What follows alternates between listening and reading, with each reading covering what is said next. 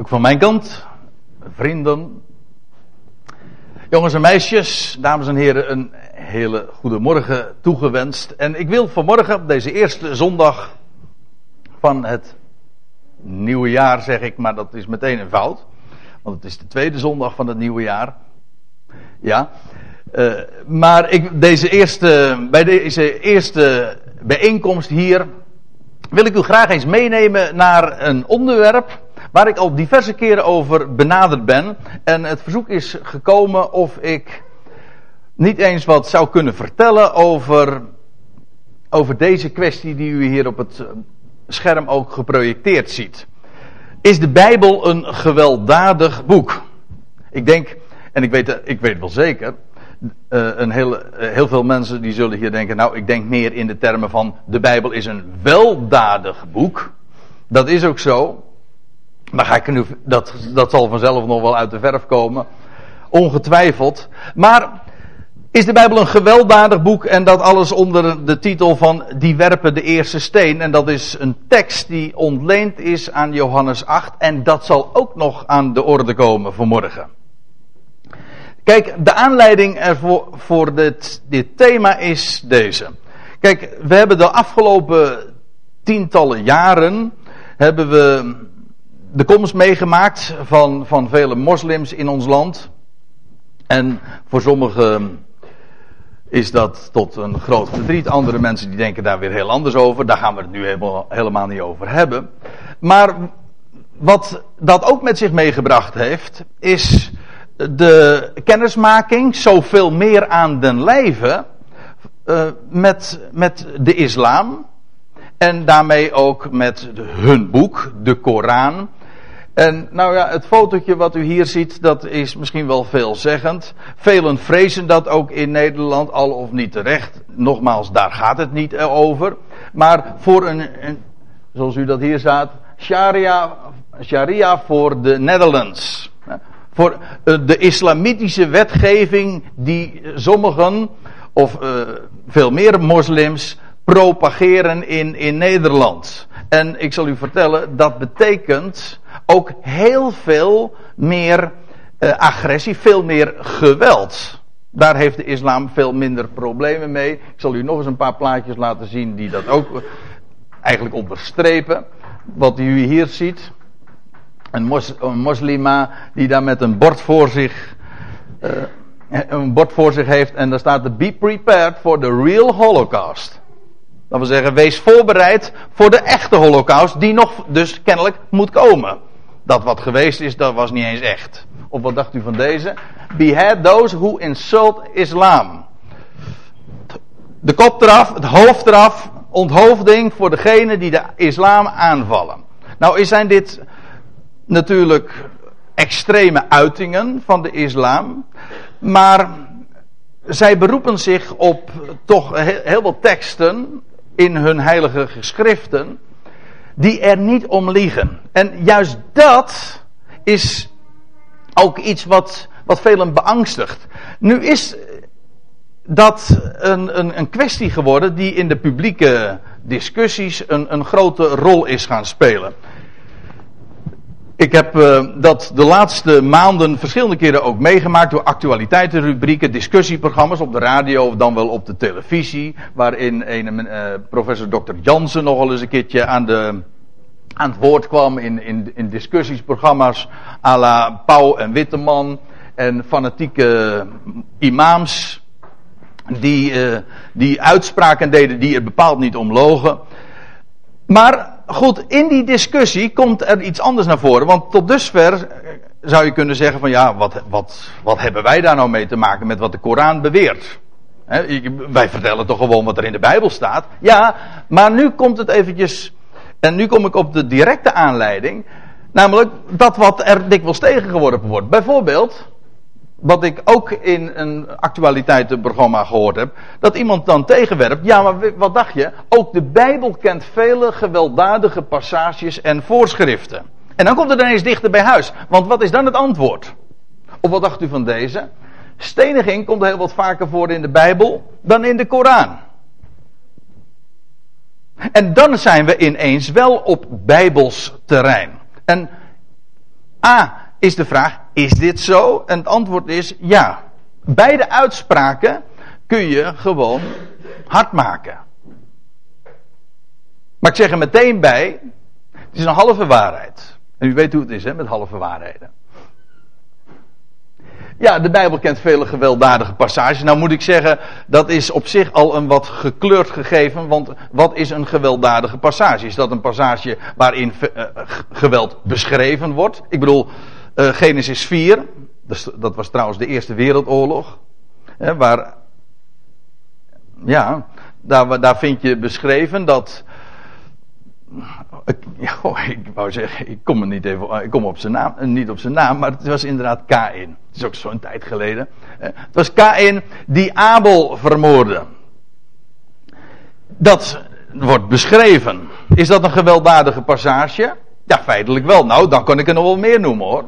Er zijn vele kranten en tijdschriften eveneens gewelddadig.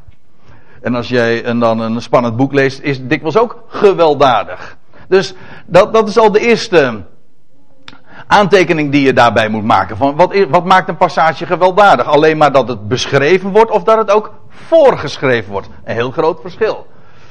Maar, eh, wat dacht u van dit? Niet alleen veel gewelddadige passages, maar ook gewelddadige voorschriften. En daarmee doelend op uh, instructies die we vinden in de Mosaïsche wetgeving van steniging. Die mensen die gedood moesten worden, et cetera. En wat deze steniging komt heel wat vaker voor in de Bijbel dan in de Koran. Dat is waar. Vele tientallen keren lezen wij iets over, uh, over steniging. Beschrijvend, soms voorschrijvend. En in de Koran uiteindelijk maar heel weinig. Wel heel sterk trouwens. Dus om zulke uitspraken werkelijk te wegen, dat is uh, lastiger dan je op het eerste gezicht uh, wellicht zou kunnen denken. Wel, ik wil op deze uitspraken graag eens wat ingaan. En het is mij gebleken dat je dat niet zomaar met één antwoord af kunt doen. Er zijn een aantal overwegingen die ik u gewoon met de Bijbel open wil, wil meegeven en dat eens uh, wil overdenken. En, en waarin tevens ook het antwoord of de antwoorden gelegen zijn. Nou, laat ik eerst eens beginnen met dit. Een tekst die we vinden in Prediker 3. Voor alles is een tijd. Ooit zo mooi bezongen door, maar dat is al vele jaren geleden. Ik was toen nog maar een jaar of drie, vier, dat dat een grote hit was. The Birds. Turn, turn, turn. Ja, de ouderen onder u kennen het wel. Uh, time, uh, uh, Everything has a purpose, hè, zegt dat lied. Het is gewoon een directe weergave van wat we vinden in Prediker 3. En dan staat daar een schitterende gedeelte. Wat ik nu niet ga behandelen, maar ik wil even op iets specifieks wijzen. Namelijk, dan lezen we in vers 3.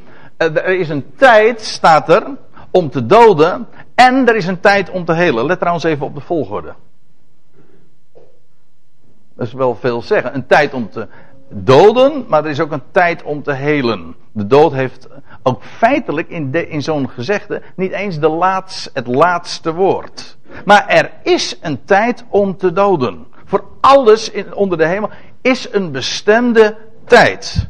Dat is in het dagelijks leven. Je hebt een tijd om op te staan en je hebt een tijd om weer naar bed te gaan. Je hebt een tijd om te ontbijten, je hebt een tijd om het diner te hebben. Het, nou, dat wordt hier ook beschreven, maar ook in een veel groter, groter perspectief geplaatst is dit waar. Ook God rekent zo. Er is een tijd voor het een, er is ook een tijd voor het ander. God heeft een plan. Hij heeft ook huishoudingen. Of zoals wij dat meestal noemen, bedelingen. Waarin iets voor iets een tijd en een plaats is gereserveerd dat specifiek daarvoor bedoeld is en niet voor een andere tijd. Er is een tijd om te wenen, er is een tijd om te lachen. Er is ook een tijd om te rouwklagen, maar er is ook een tijd om te dansen. En een groot gedeelte van wijsheid is dat je ook, dat staat trouwens ook in het boek Prediker, de, de wijze kent tijd en wijze. Wat, uh, Wat, wat uh, grappig is in het Nederlands, omdat het woordje wijze natuurlijk twee betekenissen heeft. Maar de tijd kent, uh, de wijze kent tijd en de manier waarop. Dat je weet waarvoor het de tijd is. Dat je de dingen niet misplaatst. Goed. Er staat ook nog bij, de, nog even verder in datzelfde prediker 3. Er is een tijd om te beminnen en er is een tijd om te haten. Een tijd van oorlog en er is ook een tijd van vrede. En zelfs niet alleen maar beschrijvend, in de zin van, nou ja, er was ooit hier van, eh, in de vorige eeuw van 40 tot 45 oorlog en daarna is het, hebben we geen oorlog meer gekend, in die zin tenminste. Een tijd van vrede. Nee, maar het is ook zelfs voorschrijven. Dat wil zeggen, God rekent zo. God zelf presenteert zich bij gelegenheid als een krijgsman. En dat hij inderdaad aanstuurt om, op conflict. Niet om het conflict zelf, maar om dingen recht te zetten. En dan is oorlog dikwijls gerechtvaardigd. En daarmee dus ook geweld. En dus ook doden zelfs. Ik weet, dat is geen pacifistische taal die ik nu uitsla, maar in de Bijbel vind je dat gewoon beschreven. En je leest zelfs ook in de toekomst dat de Heer, de straks zal verschijnen. En dan lees je dat hij als een krijgsheer het zal opnemen voor zijn volk, voor zijn volk Israël. En zal strijden tegen de volkeren die, die, uh, het, uh, die zijn samengespannen tegen, tegen Israël. Ik kom daar straks nog op terug. Maar ik bedoel dit gewoon daarmee te zeggen. Er is zoiets als een tijd voor doden en een tijd van geweld. Goed, een tweede overweging. nou ga ik naar een hele beruchte tekst hoor. En die wil ik toch eens een keer graag voor het voetlicht plaatsen. En wellicht heb u hem wel eens gelezen. In Psalm 137, wat trouwens een schitterende psalm is. En ik had het net over de Birds, die Turn, Turn, Turn ooit zongen. Maar er is, uh, ja nou, er is een andere popgroep geweest. Boney M, die dat, deze psalm ook uh, nogal bekend heeft gemaakt.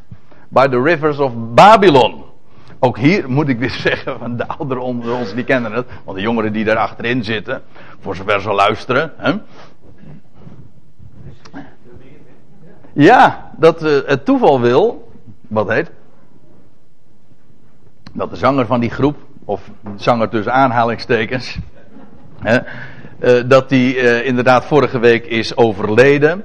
En gisteren is begraven. Bobby Farrell heette die, ja. Maar die zongen zo, zo heel liefelijk. By the rivers of Babylon, there we sat down. Yeah, we wept when we remembered Zion. Dat is gewoon Psalm 137. Dat gaat nog verder. Maar dat is, een, dat is een, een, hele mooie psalm. Maar dat tweede deel, dat slaat een wat andere toon aan. En met name dan dat laatste vers. Dan lees je in halverwege de psalm 137 en dan staat er: Reken, o heren, de kinderen Edoms de dag van Jeruzalem toe. Hun die zeiden: breek af, breek af tot op de grond ermee. Kijk, hier wordt gesproken over wat Edom ooit van zins was. Edom, Edom was feitelijk een broedervolk van Israël. Edom was, is, is nageslag van Esau, de, de broer van Jacob. Die woonde daar in het zuiden van Israël. Maar dan, dan staat er, reken o heren die kinderen Israël, de kinderen van Edom, de zonen van Edom, de dag van Jeruzalem toe, dat ze Jeruzalem zouden, dat ze uh, Jeruzalem zouden afbreken. En hier wordt opgeroepen tot vergelding. Omdat de, de Heere zou optreden en het onrecht wat hen is aangedaan, zou vergelden. En dan uh, niet alleen Edom, maar het geldt ook voor, voor Babel. Gij, dochter van Babel, ter verwoesting bestemde. Gelukkig hij die u zal vergelden, hetgeen gij ons hebt aangedaan. Dat gruwelijke onrecht wat Israël is aangedaan, hier wordt opgeroepen tot vergelding, tot wraak. En Heere wordt aangeroepen van, Heere, laat dit onrecht inderdaad vergolden worden. Dit mag niet zomaar zijn beloop hebben. En, maar nou komt die beruchte tekst. Misschien de allerberuchtste van de hele Bijbel, als u het mij vraagt. Gelukkig hij die uw kinderen zal grijpen, uw kinderen, van de kinderen, de zonen van, van Babel en van Edom, en tegen de rots zal verpletteren. Ja, en dat is toch een tekst die enorm eh, veel vraagtekens oproept, nietwaar? Hoe, hoe kun je, hoe kun je, staat dat in de Bijbel? Nou moet ik er in de eerste plaats bij zeggen, er wordt hier gesproken over vergelding. Hè? Dit is namelijk precies hetgeen Israël was aangedaan. Dus dan is de, de klemtoon is dan gelukkig hij die uw kinderen zal grijpen. Dat wil zeggen dat ze wat ze met onze kinderen gedaan hebben, dat dat vergolden wordt. Nou moet ik er nog iets bij zeggen. Dat als je het letterlijk leest, dat er toch iets heel anders staat. In de eerste plaats, er wordt hier opgeroepen tot, tot, uh, tot vergelding. Dat is, dat is waar. Maar dat is eigenlijk ook wat recht is. In het recht wordt altijd gesproken, als ik iets misdaan heb, dan wordt dat in het recht, in het rechtssysteem, wordt dat vergolden. Niet waar? Dat als ik iets van een, een, als ik 100 euro heb gestolen, dan is, het, dan is het een kwestie van recht dat ik het vergeld. Dat wil zeggen dat ik het weer vergoed. Dat is wat hier uh, ook aan de hand is. En ik moet er trouwens in dat verband even nog iets bij zeggen. Dat uh, nog wel eens een keertje wordt misverstaan. Uh, dat die tekst van oog om oog, tand om tand. Dat wordt altijd gezien als een hele agressieve vergeldingsmaatregel. Maar als u het in zijn context leest in het boek Exodus, is het juist bedoeld voor tegendeel. Oog om oog, tand om tand wil zeggen dat een dat is niet bedoeld als minimum, vergelding, maar als maximum. Dat als de ander vergolden wordt, dat niet meer wordt afgepakt dat wat de ander heeft misdaan. Oog om oog, dat wil zeggen als de een een oog heeft afgenomen, letterlijk of figuurlijk, daar gaat het me nu even niet om, dat niet meer dan een oog vergolden wordt. Want u weet hoe het werkt met wraak. De mens die iets aangedaan is, die, wordt, die is ja, als je dan het recht in eigen handen zou nemen, dan zou je nog veel meer iets de ander aandoen. Dat, dat wat jou is aangedaan. Dat is menselijk, hè? Daarom zegt de Bijbel ook van, laat plaats voor de toren, mij komt, uh, mij komt de wraak toe. Dus dat de mens niet het recht in eigen handen zou nemen en zo de toren buitensporig, buitenproportioneel zou maken. En dat is ook in de wetgeving bedoeld als een maximum. Niet meer vergelding dan wat er aan onrecht is geschied. Maar goed, dan nog staat deze, staat deze tekst, al die overweging, er staat dit letterlijk. En dat plaatst het ook in een heel ander perspectief. Ik wil het u graag meegeven. Er staat letterlijk, gelukkig hij die uw kleine kinderen zal grijpen en verstrooien. Niet ver, dat woord verpletteren is een mogelijke vertaling, maar de eerste keer dat we het woord vinden in het Hebreeuws, dit woord, verpletteren, dat, weet je waar, waar, dat is? Dat is in Genesis 10. Als gesproken wordt, als uh, alle na de torenbouw van Babel en, en de Heer de spraak verward heeft van de mensen, dan lees je dat hij de, de mensen verspreidde, verstrooide over de hele aarde. Dat woord wordt hier gebruikt. Hier wordt het dan vertaald met verpletteren, maar het eigenlijke betekenis is, is van verstrooien. Die kleine kinderen, kijk, er wordt hier gesproken over over vergelding. Hè? Over Edom en Babel die, die het onrecht dat ze Israël hebben aangedaan, dat dat, hen ver, uh, dat dat vergolden zal worden. Maar wordt er dan gezegd, gelukkig hij die uw kleine kinderen zal grijpen en zal verstrooien. Dat wil zeggen, ze in veiligheid ook zal brengen. En ze uit die plek van onheil, hè, waar de vergelding plaats zal vinden, daar in, juist in veiligheid brengen. En dan krijg je dus een tegenovergestelde gedachte. Niet van kleine kinderen die, die, die uh, dit geweld moeten ondervinden. Nee, die juist gevrijwaard worden van dit geweld. En dan staat er nog bij, naar de rots. Maar nou moet ik er nog iets bij zeggen. En ik doe dat eigenlijk, en ik wijs er ook op, omdat het een opstapje is naar nog iets anders. Er staat hier namelijk naar de rots. Ja, tegen de rots, letterlijk naar de rots. Maar de rots, dat is in het Hebreeuws Hasela. Hasela. En dat is een plaats. Ja, dat is de rots. De Heer wordt zelf trouwens ook vaak de rots genoemd. Ik, de Heere, ik ben uw rots, de rots. Maar het is ook een plaatsnaam. En we hebben het op, op deze plaats vaak genoeg, of nou in ieder geval meer dan eens, eh, over de, over uh, het, het, de profetische betekenis gehad van, van, deze, van deze stad, Petra. Ik wil er nu niet te veel over zeggen. Ik wil er alleen even op wijzen dat er een stad is in het, dat in het huidige Jordanië. Dat is een stad die helemaal is uitgehouden. Een, een, dat is een, een, een, een geweldige ja, bezienswaardigheid uh, nu nog. Het is uniek wat, daar, uh, wat, wat, wat, wat, je daar treft. Er is namelijk geen, geen baksteen aan te pas gekomen. Alles is, die, die hele stad is uitgehouden uit de rotsen. Het is dus met recht een rots, met een dubbel S, hè. Rotsstad. En die, en die stad die heet in, in het Grieks Petra. Wij noemen het nu nog steeds Petra in Jordanië. Maar in het Hebreeuws heet die stad Sela. Want Sela betekent gewoon rots. De rots. Ha, Sela betekent gewoon. Uh, het is de naam van een plaats daar in Edom. Maar als u goed ge, uh, zich herinnert. Ik las dat uit Psalm 137 voor. En daar wordt gesproken over, over de, de, een dag van vergelding. En over Edom. Over de zonen van Edom. Ja, maar juist in die streek zal in de toekomst, in de Here, zal de Heere zijn wraak gaan oefenen.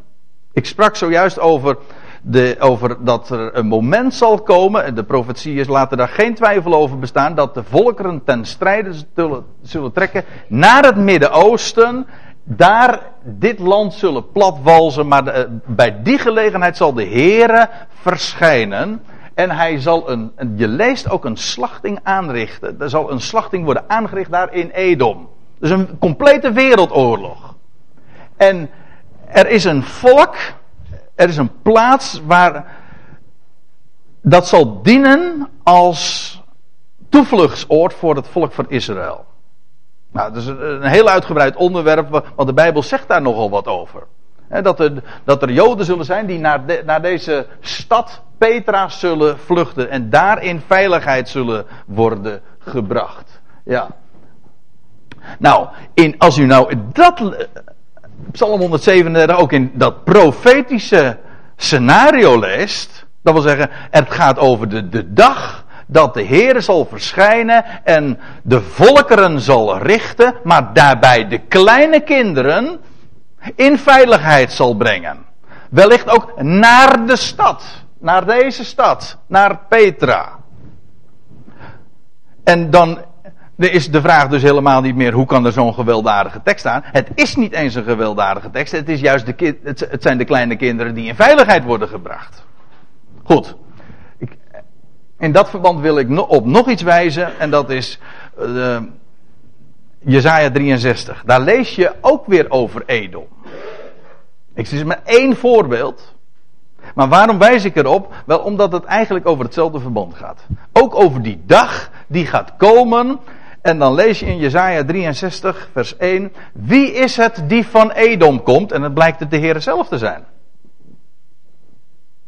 U weet wel, Edom dus, dat, dat gebied tussen de Dode Zee en, en uh, de golf van Eilat. Dat gebied, in de woestijn, waar met als hoofdstad Petra of Bosra heet het ook. Wie is het die van Edom komt in helrode klederen van Bosra? Bosra is, een, is de stad die direct gelieerd is aan Petra. Bosra betekent schaapskooi trouwens. Het is de plaats waar de kudde verzameld wordt. Ja, nou ja. Uh, ik lees verder. Uh, wie is het die van Edom komt in helrode klederen van Bosra, die daar praalt in zijn gewaad, vier voortschrijdt in zijn grote kracht? En dan, dan is het de Heer zelf die antwoord geeft. Ik ben het. Die in gerechtigheid spreekt en machtig om te verlossen. Waar, en dan wordt de vraag gesteld, waarom is dat rood aan uw gewaad en zijn uw klederen als van iemand die de wijnpers treedt? Ook een bekende bijbelse beeldspraak. En dan wordt vervolgd, dan geeft de Heer de antwoord. Ik heb de pers alleen getreden. En van de volkeren was niemand bij mij. Ik trad hen in mijn toorn en vertrad hen in mijn grimmigheid. Dat wil zeggen, de Heer neemt het op voor zijn volk dat onder de voet is gelopen. En dat, dat uiteindelijk in, in, daarvan lezen we ook in Zacharia en zoveel andere plaatsen, dat als het in uiterste nood is, dan zal ze, dan zal ze de naam aanroepen. De naam die ze nu nog steeds niet durven uit te spreken. Uit ongepaste eerbied moet ik erbij zeggen, maar dat is een ander punt. Het gaat erom, zij zullen straks in uiterste nood de naam aanroepen en dan zal hij verschijnen. Dan zal hij het opnemen voor zijn volk. En dan zal hij ten strijde trekken tegen die volkeren en, en hen in zijn grimmigheid inderdaad recht doen. En dan staat er, en toen spatte hun bloed op mijn klederen. En ik bezoedelde mijn ganse gewaad. Waarom? Omdat de Heer tot verlossing optreedt voor zijn volk en daarom recht doet aan het, aan het onrecht dat hen, hen was aangedaan. En dan staat erbij, ja, die, dat is een mooi hoor, die, die wil ik er in dit verband ook absoluut bij vermeld hebben. Want er staat erbij, want een dag van wraak had ik in de zin. Wraak trouwens in de Bijbel, dat klinkt, dat klinkt misschien in onze oren heel erg agressief. Maar wraak, weet u wat het, het Hebreeuwse woord voor wraak is? Dat is herstellen. De verhoudingen worden hersteld. Dus, dus heel positief. Het is een positief begrip. Wraak is niet tot vernietiging, maar het is juist om de dingen, de verhoudingen weer te herstellen. En nou lees je wat, lees en let op wat hier staat, want staat er, een dag van wraak had ik in de zin, zegt de Heer zelf. En een jaar van mijn verlossing was gekomen. En nu ziet u hier ook precies hoe de verhoudingen in de Bijbel liggen. Al eerder heb ik als eerste opmerking uh, gezegd, als eerste overweging meegegeven, er is een tijd van oorlog, er is een tijd van doden, dat is waar. Maar je moet het wel zien in zijn verhouding. En weet u hoe de verhouding ligt? Ik zal het precies vertellen in dit verband. Zo. Wraak staat tot verhouding, eh, tot verlossing als 1 op 365. Daarom is het ook zo, daarom wordt hier gesproken over een dag van wraak, maar een jaar van mijn verlossing. Zoals er in Psalm 30 staat van een ogenblik duurt zijn toren. Maar een leven lang zijn goede tierenheid. Zo ligt die verhouding. Toren, inderdaad, daar is in de Bijbel plaats voor. Maar het is altijd met het oog op. En de, je dient de proporties altijd in ogenschouw te nemen. En zo ligt, zo ligt die verhouding. Wraak en verlossing staat tegenover elkaar als een dag en een jaar. En in dat verband wil ik er ook best nog even bij zeggen hoe demonisch het hele concept is. Want we hadden het zojuist over de agressieve islam. Maar wat dacht u van het christendom dat een eindeloze hellestraf leert? Dat is, dat is niet minder erg, dat is misschien nog veel erger. Een hele idee van een, een, een hel, dat de Bijbel al niet kent dat eindeloos zou duren. Dat, ons, dat komt uit het brein. Niet van een mens hoor. Mijn moeder die zei vroeger altijd, een, ik vind het altijd een mooie uitspraak, kwaad worden is menselijk. En bij gelegenheid ook bijbel, goddelijk zelfs. Maar kwaad blijven, dat is duivels. Het hele idee van een toren die eindeloos duurt. Of een, een wraak waar geen eind aan komt. Nou, die, die, dan heb je, als je zulke dingen beweert en zulke dingen predikt, en als je zo de mensen zeg maar ook bang maakt, want dat is wat, waar het altijd voor gediend heeft, hel en verdoemenis, eindeloze hel, dat is een volstrekt uh, absurd gegeven als je erover nadenkt, maar ook bijbels gezien totaal geen, geen plaats heeft. Dat is, De Bijbel spreekt inderdaad over, over Gods oordeel en straf, maar altijd met het oog op het heil dat Hij voor heel zijn schepping op het oog heeft. Want Hij houdt van zijn creaturen. Het is werk namelijk van Zijn hand. Daarom is het zo belangrijk om deze dingen duidelijk ook in, in, in beeld te hebben en, en de schrift te kennen. En te weten, ook al in het Oude Testament worden deze dingen zo duidelijk al verteld. Hoe die verhoudingen liggen van wraak en verlossing. Goed. Nog een overweging. Wat, wat we beslist niet uit het oog mogen verliezen. En dat is dat de wet, de Mosaïsche wet, waarin we zoveel vinden van, van wraak en waar we zoveel uh, ook geweld wordt voorgeschreven, is, zo lezen we in de Bijbel, een bediening van de dood.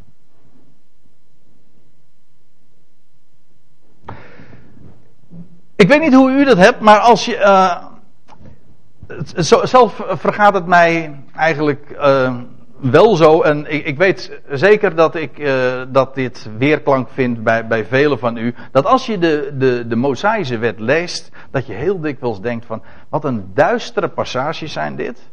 Niet alleen maar onbegrijpelijk, maar ook duister in de zin van dat het zo, zo, zo inkt zwart is. De, de dingen die daarin verteld worden. En de, hoe de dood ook zo prominent naar voren gebracht wordt. Maar weet u wat, eh, dan zou je het commentaar eens van de apostel Paulus moeten lezen. In 2 Korinthe 3 is, die kan ik je erg aanbevelen, want daar staat het zo mooi en duidelijk ook beschreven. Daarin laat Paulus zien dat die, die wet die God ooit aan Israël heeft gegeven, een tijdelijk fenomeen was. Alleen maar bedoeld om dingen duidelijk te maken, maar met het oog op dat wat zou blijven. En laat ik het eens, althans een paar versen daaruit, u voor de aandacht eh, stellen. In 2 Korinthe 3 vers 7, het is een beetje midden in, in, eh, in Paulus' betoog, maar goed.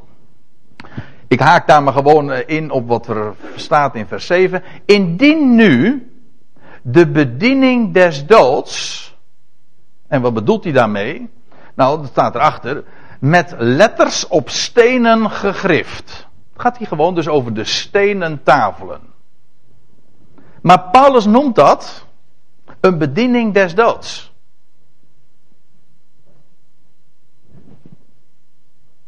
Ja, ik weet, uh, voor velen is dat misschien, uh, voor vele christenen is dat heel vreemd. Die, die denken dat van die stenen tafelen, hè, dan wordt er heel vaak zondags in de kerk gezongen van, ja, om die te doen uit dankbaarheid. Eh, zulke gedachten, die denken daar helemaal niet in termen van, van een, eh, een bediening des doods. Maar Paulus zegt dat wel zo.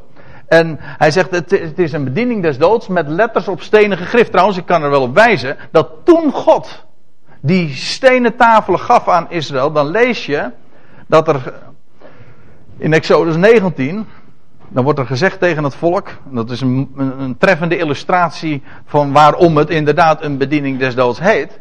Wacht u ervoor, de berg, de berg Horeb, waar de Heer zou verschijnen en aan, aan, aan, aan Mozes ook de, de stenen tafelen zou geven. Wacht u ervoor de berg te bestijgen of maar de voet ervan aan te raken. Ieder die de berg aanraakt zal zeker ter dood gebracht worden. Dat is die, dat is die berg van de wet. En dat, dat illustreert precies wat, wat Paulus ook bedoelt als hij het een bediening des doods noemt. Maar hij zegt, het, is het, is, het was met letters op stenen gegrift. Hij zegt, maar niettemin, vergis je niet, het ging gepaard met zulke heerlijkheid, dat de kinderen Israëls de blik niet op het aangezicht van Mozes konden vestigen. Paulus spreekt met twee woorden. Aan de ene kant zegt hij van, het was inderdaad een heerlijke bediening. De, de, in het Oude Testament wordt dat ook dikwijls beschreven. Hoe lief heb ik uw wet? Ja, dat is waar. En zulke, het ging gepaard met een enorme lichtglans en met een geweldige heerlijkheid. En toch heet het een bediening des doods. Weet u waarom? Wel afgezet tegen dat wat het zou komen. Ik lees verder namelijk in, ik sla een vers over en dan vers 9. Want indien de bediening die veroordeling brengt, veroordeelt namelijk tot de dood. Feitelijk is het zo dat de wet de mens veroordeelt. Dat is niet fout van de wet, maar dat is gewoon omdat de mens zelf uh, zwak is, staat er. En dat de mens zelf niet deugt. En die wet die brengt dat aan het licht. Want indien de bediening die veroordeling brengt, maar staat erbij heerlijkheid was, veel meer is de bediening die rechtvaardigheid brengt, overvloedig in heerlijkheid. En nou heeft, en nou heeft Paulus het over het beloofde nieuwe verbond, maar over alles wat in Christus is gekomen, namelijk vrijspraak, leven. In Christus is er geen veroordeling. Integendeel, hij brengt leven. Uiteindelijk voor elk schepsel. Hij doet de dood teniet en hij ziet, hij ziet uh, de, alle schuld, daar ziet hij van af. Dat wil zeggen, hij doet dat, dat, hij doet dat teniet. God, gena, uh, hoe staat het in Johannes, 5, uh, eh, Johannes 1? De wet is door Mozes geworden. En er staat erbij, maar de genade is waarheid geworden in Jezus Christus. Genade. Puur om niet geeft hij. En hij, spre hij spreekt de mens vrij. Die wet is een tijdelijk fenomeen. Dat is wat ik ermee wil zeggen. Die, die wet die wordt gekenmerkt door veroordeling, inderdaad ook door dood. Maar dat was slechts om als intro voor leven en vrijspraak. Ik zal een, een, een, nou, mag wel een heel illustratief gegeven noemen. Johannes 8, een schitterende geschiedenis, die we eigenlijk nog eens een keertje bij gelegenheid eh, wat meer in, eh, in zich heel zouden moeten bespreken. Maar ik wil nu even op één ding wijzen in verband met die steniging. Want dan weet, eh, dat is die bekende geschiedenis dat bij de Heer Jezus een vrouw gebracht wordt die op heterdaad betrapt was van overspel. En dan lees je dat de, hen, hem de strikvraag wordt voorgelegd van ja, wat moeten we daar nou mee doen? U weet wat we. Nou, het antwoord is dan ook, nou, de wet van Mozes zegt dat ze gestenigd moet worden. En dan zegt de Heer Jezus, hij, hij ging op de grond schrijven, ook al zo mysterieus. Twee keer, tot twee keer toe lees je dat, dat hij dat deed. Er staat niet bij wat. Maar zij dringen aan, die godsdienstige leiders, die die vrouw eigenlijk alleen maar gebruikte, ja, in feite misbruikte zij die vrouw. Doch toen zij hem bleven vragen, richtte hij zich op en hij zei tot hen: Wie van u? Hij kijkt ze aan, wie van u zonder zonde is, en daaraan is ook de titel van deze, van deze presentatie ontleend. Wie van u zonder zonde is, die werpen de, werpt het eerst een steen naar haar.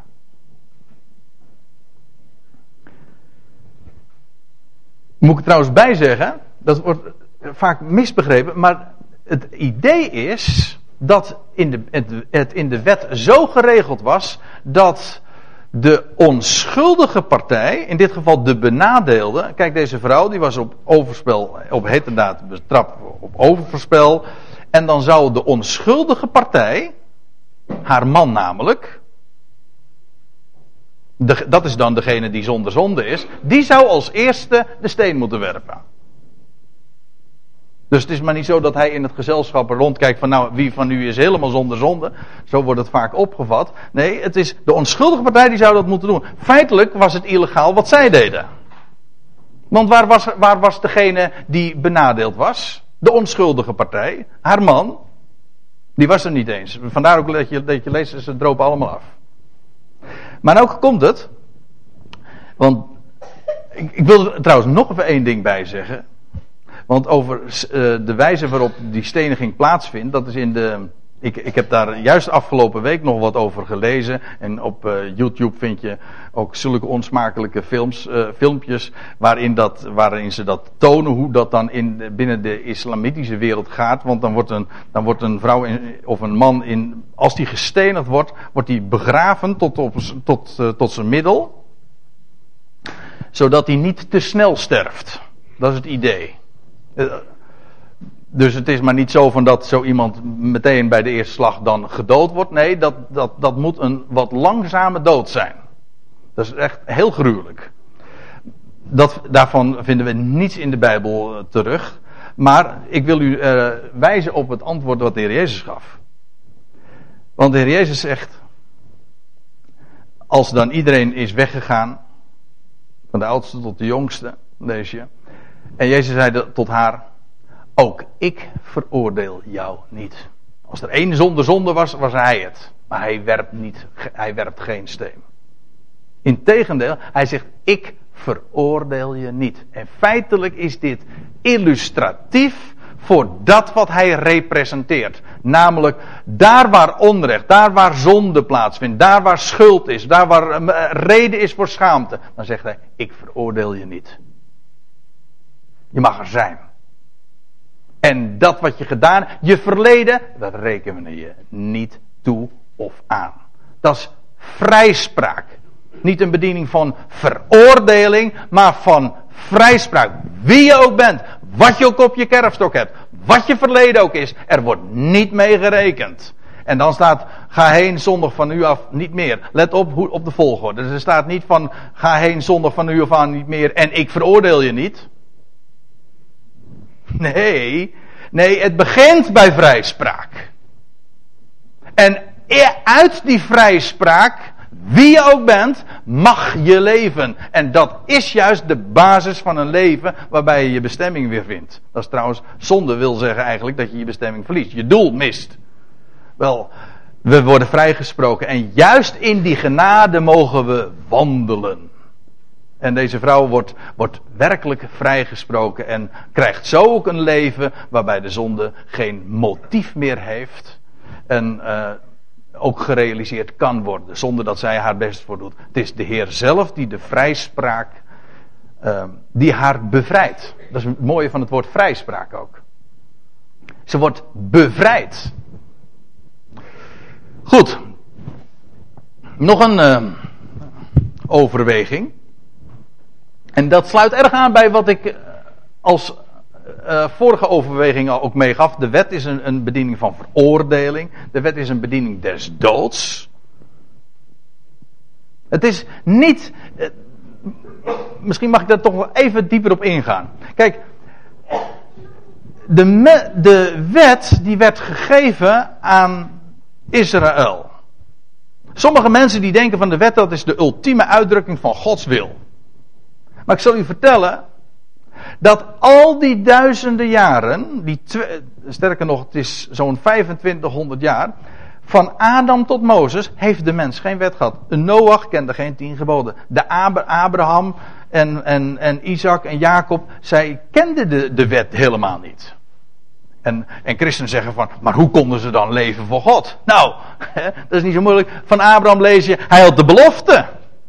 En daar leefde hij uit. Eh, God had onvoorwaardelijk aan hem beloofd. Zo zal ik jouw nageslacht maken. Hij had nog een prachtig teken daarvoor gekregen ook. Ja, ja.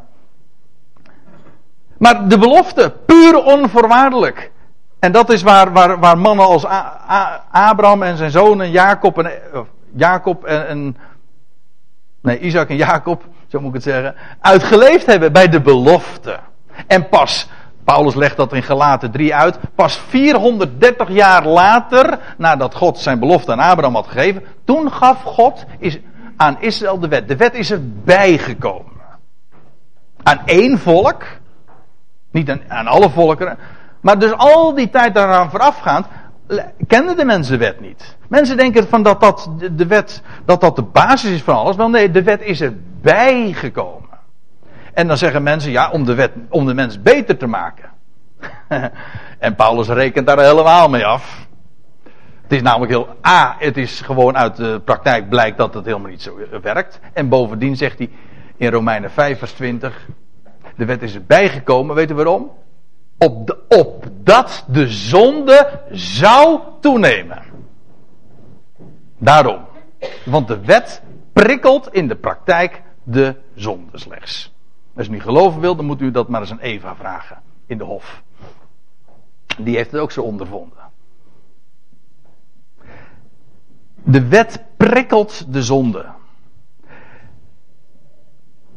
En die, maar die wet is ook niet de ultieme uitdrukking van Gods gedachte. Die wet is erbij gekomen en bovendien, ze was bedoeld tot op de tijd dat het beloofde zaad zou komen, tot Christus. Dat wil zeggen, hij die opstond uit de doden.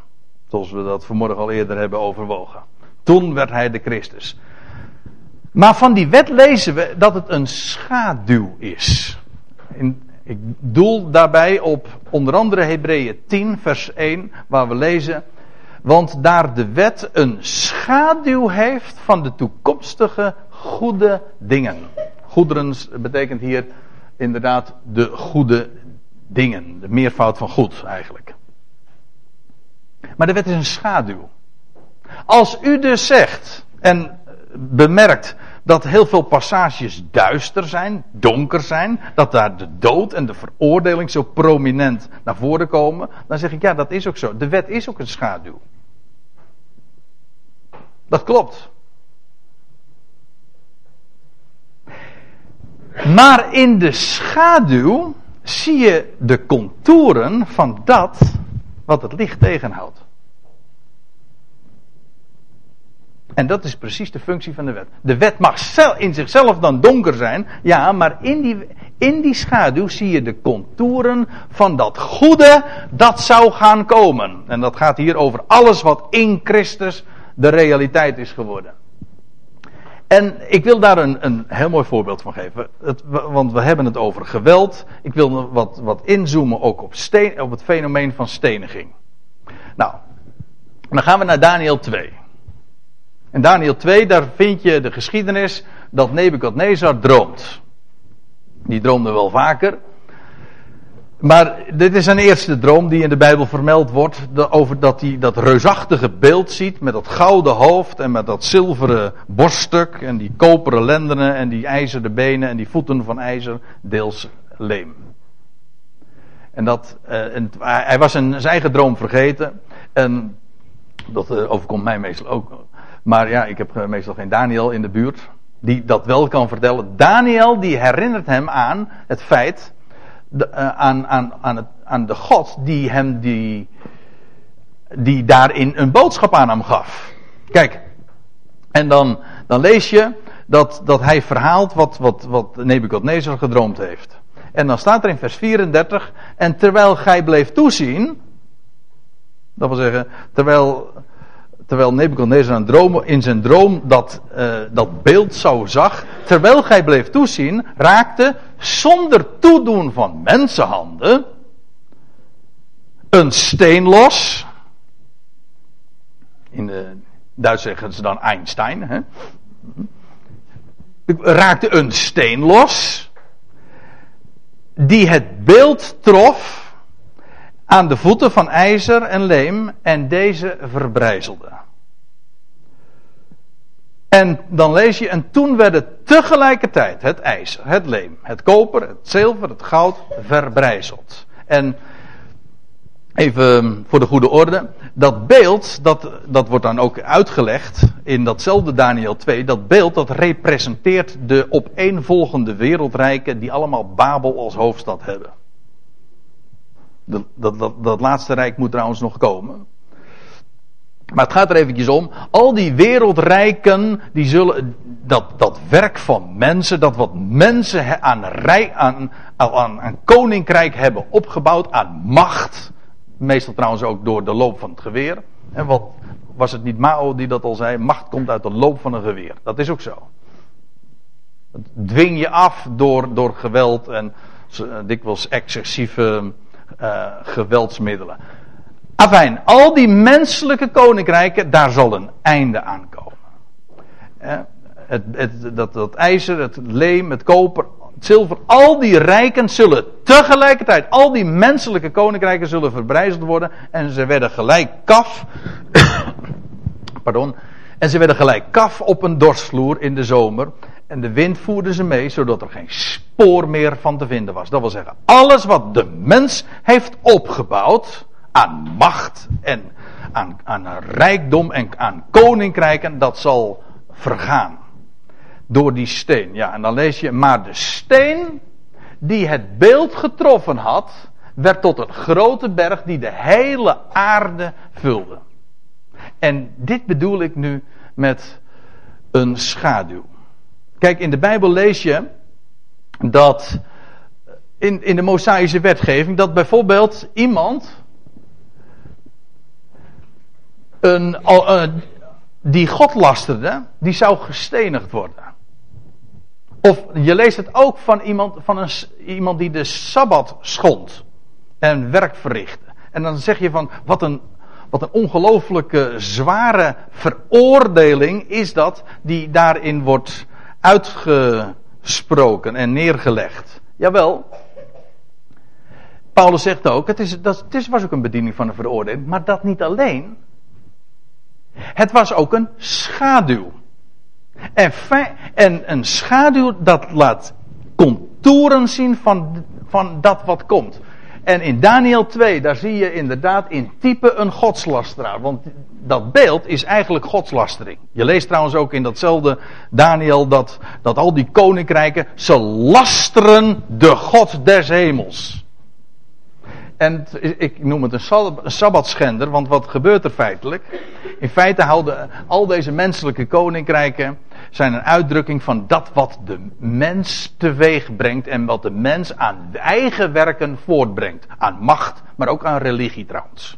Trouwens, er is, geen, er is niets wat zo, uh, ook, zoveel de macht ook.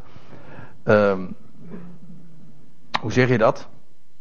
De macht ook een basis geeft en middelen geeft, als juist ook religie. Maar al dat mensenwerk, wel, dat zal een einde vinden. En feitelijk, dit beeld wat je hier ziet, dat representeert de godslastering. En, de, de, en de, de grote zabbat die straks zal aanbreken, het rijk van vrede, op de, op de zevende dag trouwens, het zevende millennium, dat, dat zal, straks zal gaan aanbreken. Wel, die godslasteraar, die sabbatschender, die wordt inderdaad gestenigd. Niet door, door mensenhand hoor, want dat is het tweede. Maar van bovenaf door een steen die niet door mensenhanden losraakte, maar van bovenaf naar beneden rolde. En zo al dat eigen werk van de mens, en dat feitelijk godslasterlijk is, daar een einde aan maakt. Ja, en dan, dan blijkt vervolgens nog, die steen blijkt nog een levende steen te zijn. Want je leest vervolgens, ze groeiden en die steen die vulde de hele aarde. En dat is dan een uitbeelding, het wordt ook uitgelegd, een beeld van de levende Messias die zijn koninkrijk hier op deze aarde zal vestigen. Eens voor altijd. Gekenmerkt door vrede en rechtvaardigheid. En door vrijspraak. En door genade. Dat is waar die steen van spreekt. Zodat je ziet dat wat als een schaduw zich voordoet in de, in de wet, duister, daarin zie je de contouren van wat God van zins is en op het oog heeft, namelijk door een, een einde te maken aan alles, aan alle godslastering.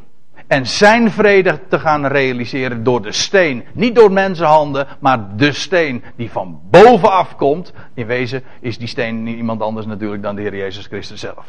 De levende steen. Zo heet hij ook in 1 Petrus. De levende steen.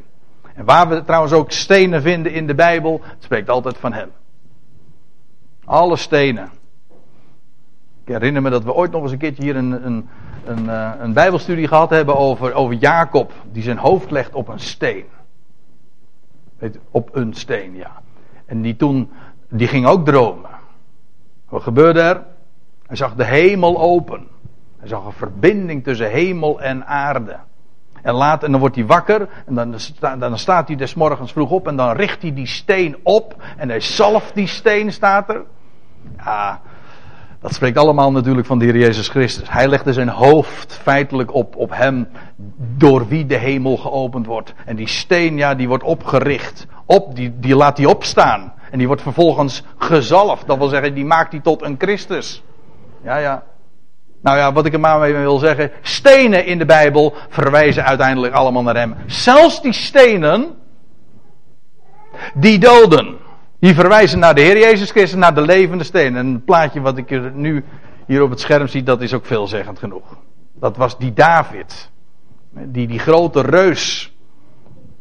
Dat reusachtige beeld ook trof. Feitelijk is dit uh, een soortgelijke uh, verhaal als wat we in Daniel 2 vinden. En wat was het ook alweer trouwens? Hoeveelste steentje was het? Het vijfde. Ja, hij nam vijf steentjes. Hij had vijf steentjes nodig. Hij hoefde maar één keer, hij hoefde maar één keer te, te, uh, te gooien en te werpen. Maar hij, maar hij zocht vijf steentjes. Dat wil zeggen, hij had juist het vijfde steentje nodig. Ja. Het waren vier koninkrijken in Daniel 2, die werden er niet gedaan. En het vijfde, dat zou het zijn. Daar, dat zou definitief zijn. U zegt, ja, maar vijf is toch een getal van genade. Dan zeg ik, ja, dat bedoel ik. Nou ja. Uh, maar hoe, hoe, dan ook, op, op, welke steen je ook, over welke steen we het ook hebben, ook die steen inderdaad die Goliath trof, uiteindelijk, we komen toch altijd weer bij, die, bij hem die opstond uit de graf, uit het graf, of zal ik het nog anders zeggen, die de steen wegwentelde. Was trouwens ook geen mensenhand, want het waren hemelse boodschappers die dat deden. Ook van bovenaf dus. Dus al die stenen hebben daarmee te maken. Verwijzen allemaal naar de Heer Jezus Christus. Naar Hem die de dood heeft overwonnen en leven en genade en vrijspraak aan het licht brengt. Daar gaat het in de Bijbel over. Dan wilde ik graag nog wat vertellen over Saulus en Paulus, maar ik zie, ik kom daar domweg niet meer aan toe. Uh, ik wil het hier maar bij laten, dat doen we bij een andere gelegenheid nog maar een keertje. Ja, over, over Saulus en. Sorry? ja, uh, maar ik weet niet of die kinderen daar ook zo over, zo over denken. Bovendien, ik mag uh, mijn studie niet langer dan een uur maken. Ja? Dat, wordt, dat wordt een beetje lastig in verband met de video. Dus nee, we houden, we houden het hier maar bij. Maar ik wil graag daar nog eens een keertje bij gelegenheid op terugkomen. Over, over Saulus die, zijn carrière, die voor het eerst genoemd wordt. Bij de steniging van Stefanus. Ja. Later wordt, is die, heet hij Paulus en dan wordt hij zelf gestenigd. Ja. Dat wil zeggen, en wordt hij buiten de stad geworpen. Maar blijkt hij toch op te staan. Nou, ik had daar graag nog wat meer over willen vertellen. Ik heb u nu alleen maar eventjes op een idee gebracht, zeg maar. Om toch eens uw gedachten daarover te laten gaan. En ik stel voor dat we met elkaar gaan zingen. Een lied over een steen.